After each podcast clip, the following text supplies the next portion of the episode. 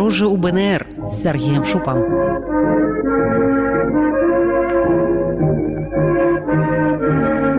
Дыпламатычная місія на чале з александром цвікевічам якая выправілася ў кіеў яшчэ 26 сакавіка так і не давяла справу далей за прызнанне з боку унр де-факта. Самым балючым пытанням была беларуска-украінская мяжа.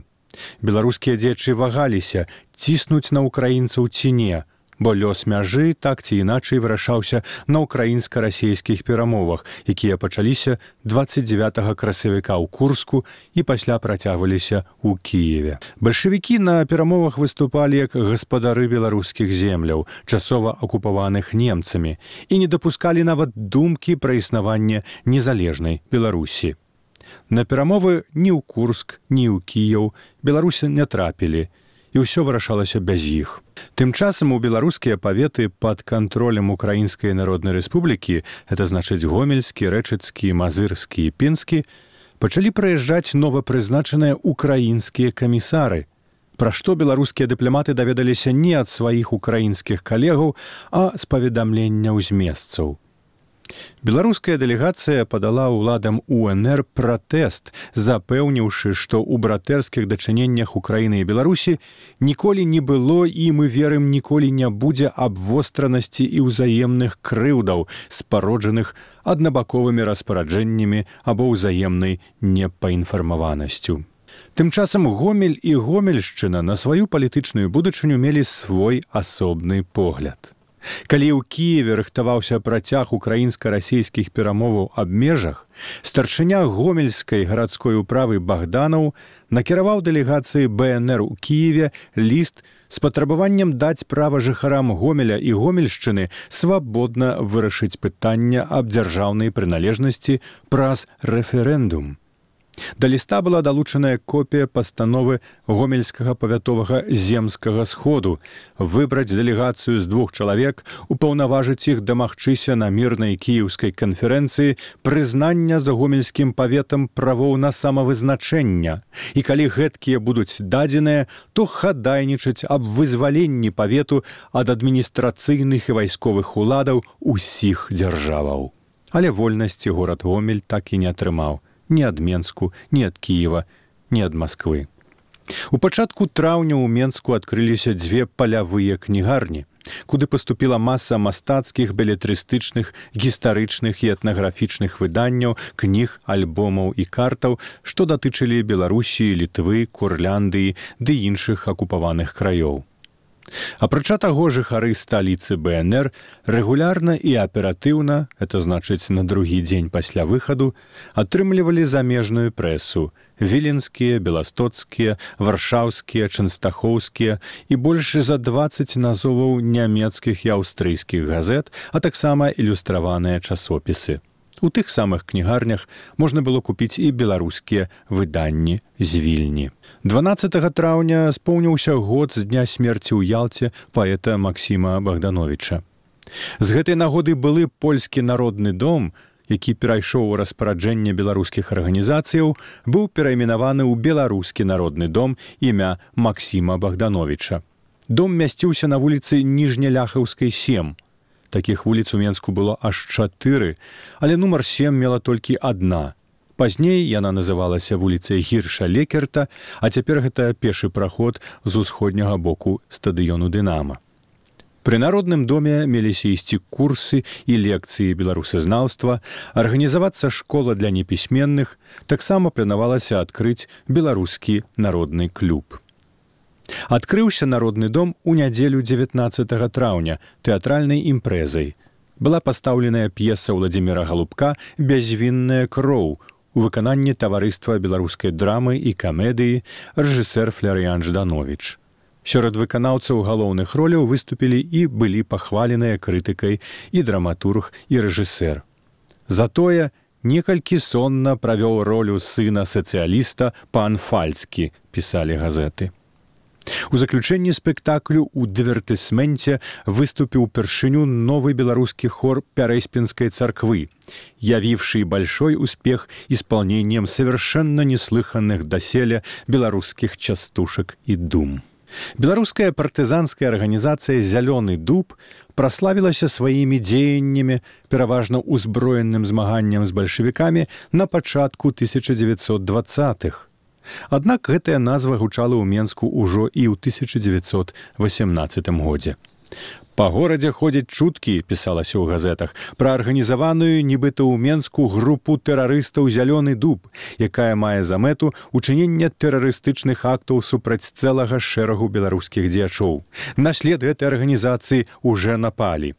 Праўда, маладзёвая арганізацыя з такой самай назвай, арыентаваная на сялянства інтэлігенцыю, з'явілася ў рассіі ўжо ў 1910 годзе. Але што за зеленадубаўцы фігуравалі ў тых чутках? ці іх злавілі і хто іх лавіў, хто гэта той шэраг беларускіх дзеячоў. Ці не было гэта нейкае рэха палітычнага расколу сярод беларускіх незалежнікаў. Няма адказу. На пачатку два стагоддзя па свеце пачаў шырыцца скаўцкі рух. Не засталася ад яго ў баку і беларуская моладзь часоў БНР. Менская вучнёўская грамада тая самая, што змагалася з народным сакратарыятам за сваю друкавальную машынку, ініцыявала заснавання новага культурна-асветнага і спартовага таварыства на манер скаўцкага. Беларускія скаўты меліся звацца сагайдакі. Сагайдакам у даўнія часы называўся боекамплект коннага лучніка, лук у чахле і калчан са стрэламі. Мэтай таварыства было фізычнае і маральнае выхаванне пад дэвізам няхай жыве незалежная Беларусь. А зараз вернемся да палітычных падзеяў. 14 траўня першы склад народнага сакратарыяту, праіснаваўшы тры месяцы, тэрмін вельмі рэдкі для ўлады арганізаваны рэвалюцыйным шляхам пісалі газеты, склаў свае паўнамоцтвы. Першы незалежніцкі ўрад выразна сацыялістычнага кірунку за гэты час страціў дзве траціны складу і ў выніку палітычнага крызісу саступіў месца правым сілам. Фармаванне новага кабінету было даручана буйному земляўласніку раману скірмунту. Прапановы ўвайсці ў новы ўрад атрымалі язэп варонка, генерал кіпрыян кандратович былы менскі гарадскі галава станіслав жанстоўскі змянілася і кіраўніцтва рады бнр. На пасадзе старшыні янку сераду замяніў язэп лёсік. Аднак пройдзе два месяцы і новы ўрад сыдзе з палітычнай сцэны так фактычна і не прыступіўшы да выканання абавязкаў тым часам у акупаваным бальшавікамі віцебску праца беларускіх арганізацыяў была цалкам паралізаваная Беларускія грамадска-палітычныя дзеячы былі часткова разагнаныя, часткова тэрарызаваныя і загнаныя ў падполле. Віцебская арганізацыя беларускай сацыялістычнай грамады на чале з михаілам мялешкам перайшла на нелегальнае становішча. Вайсковая рада паўночнага фронту была разагнаная і закрытая. Затое шырокае поле дзейнасці бальшавікі пакінулі палякам, а менавіта першаму польскаму рэвалюцыйнаму палку.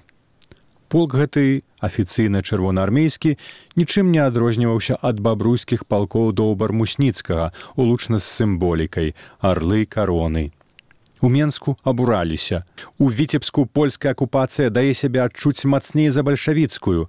А гэта мабыць і ёсць праграмай дзейнасці ленінскіх саўнаркомаў якія распрадаюць Беларусь направа і налево гуртам і ў раздроб у москве з'явіліся і беларускія бальшавікі Група дзеячоў, незадаволеная ігнараваннем іх бальшынёю беларускіх арганізацыяў, пайшла на службу да маскоўскіх бальшавікоў. Савет народных камісараў даў ім грошай на выданне беларускай газеты дзянніца і на арганізацыю нацыянальнага камісарыяту ў Маскве. Уплыў гэтай бальшавіцкай установы пашыраўся на смаленскую і частку віцебскай губерняў.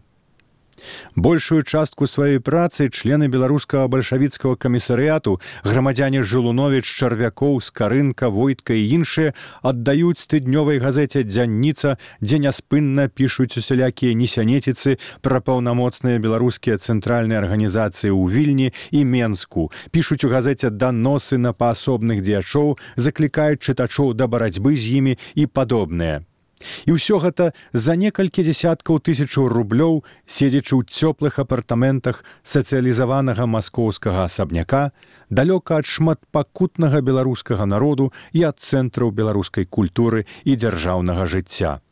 Гэтак інфармаваў грамадскасць народны сакратарыят у Менску.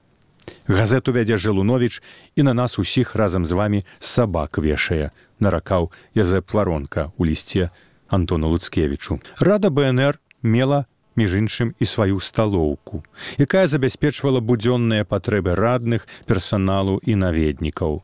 Яе забеспячэннем займаліся самі палітыкі, пасылаючы харчовых кур'ераў у менскае наваколле.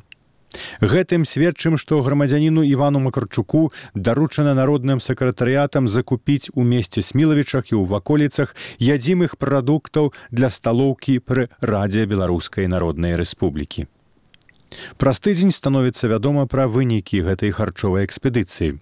Народны сакратарыят просіць у нямецкага каменданта Менску дазволу, каб Іван Макарчук прывёз са смілавічу 15 пудоў бульбы і чатыры пуды аўса для коней, што знаходзіцца ў распараджэнні народнага сакратарыяту беларускай народнай рэспублікі. Рада БНР і народны сакратарыят былі не адзінымі прэтэндэнтамі на мясцовую ўладу ў Беларусі ва ўмовах акупацыі і ў далейшай перспектыве. З уцёкамі бальшавікоў адрадзілася дзейнасць органаў улады дэмакратычнай рассеі у менску прадстаўленых менскім губернскім земствам і менскай гарадской думай. 20 траўня на губернскім земскі сходзе гэтыя сілы прынялі рэзалюцыю ў беларускім пытанні. Яны пацвердзілі вернасць пастановам усебеларускага з'езду пра аўтаномію Беларусі ў складзе рассеі, прызналі правільным выдзяленне грошай радзе БНР у пачатку яе дзейнасці, асудзілі курс рады і народнага сакратарыату БНР на адтаржэнне ад рассіі. Пытанне палітычнай будучыні Беларусі паводле земцаў і думцаў можа быць вырашана толькі беларускім устаноўчым сходам, а не самазвана групай грамадзянаў, якою з'яўляецца цяперашні склад беларускай рады, які страціў сялякую сувязь з усебеларускім з'ездам і беларускім народам. канец цытаты. Рада БНР прызначыла скліканне устаноўчага сходу на 1 снежня 1918 году але тады ўжо будзе не да з'ездаў. А вось 24 траўня народны сакратарыят вырашаў пытанні прамоцыі беларускай справы праз друкаваныя выданні. Было пастаноўлена асігнаваць сродкі на газеты тыднёвікі ў Киеве, Маскве, Петраградзе, Віцебску, смаленску, магілёве, горадні, вільні, беластоку, пінску, гомлі, полацку і на ўсялякі выпадак у Менску. А вось пасля пінску ў дужках прыпісана нота бэне выдаваць на пінчуцкай мове.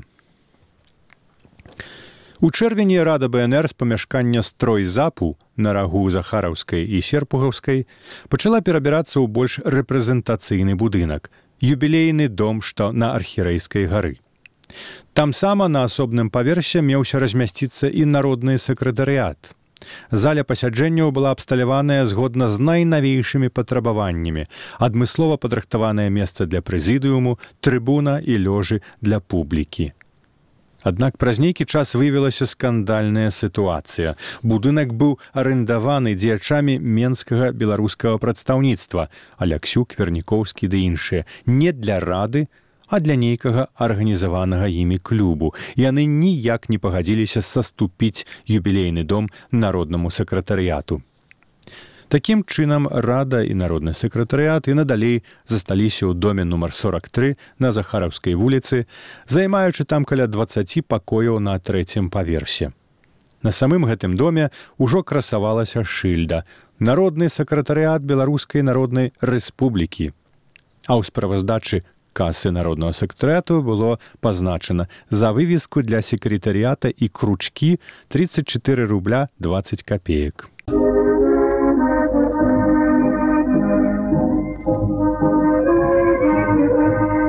Падарожжа ў БНР з Сергеем Шупам.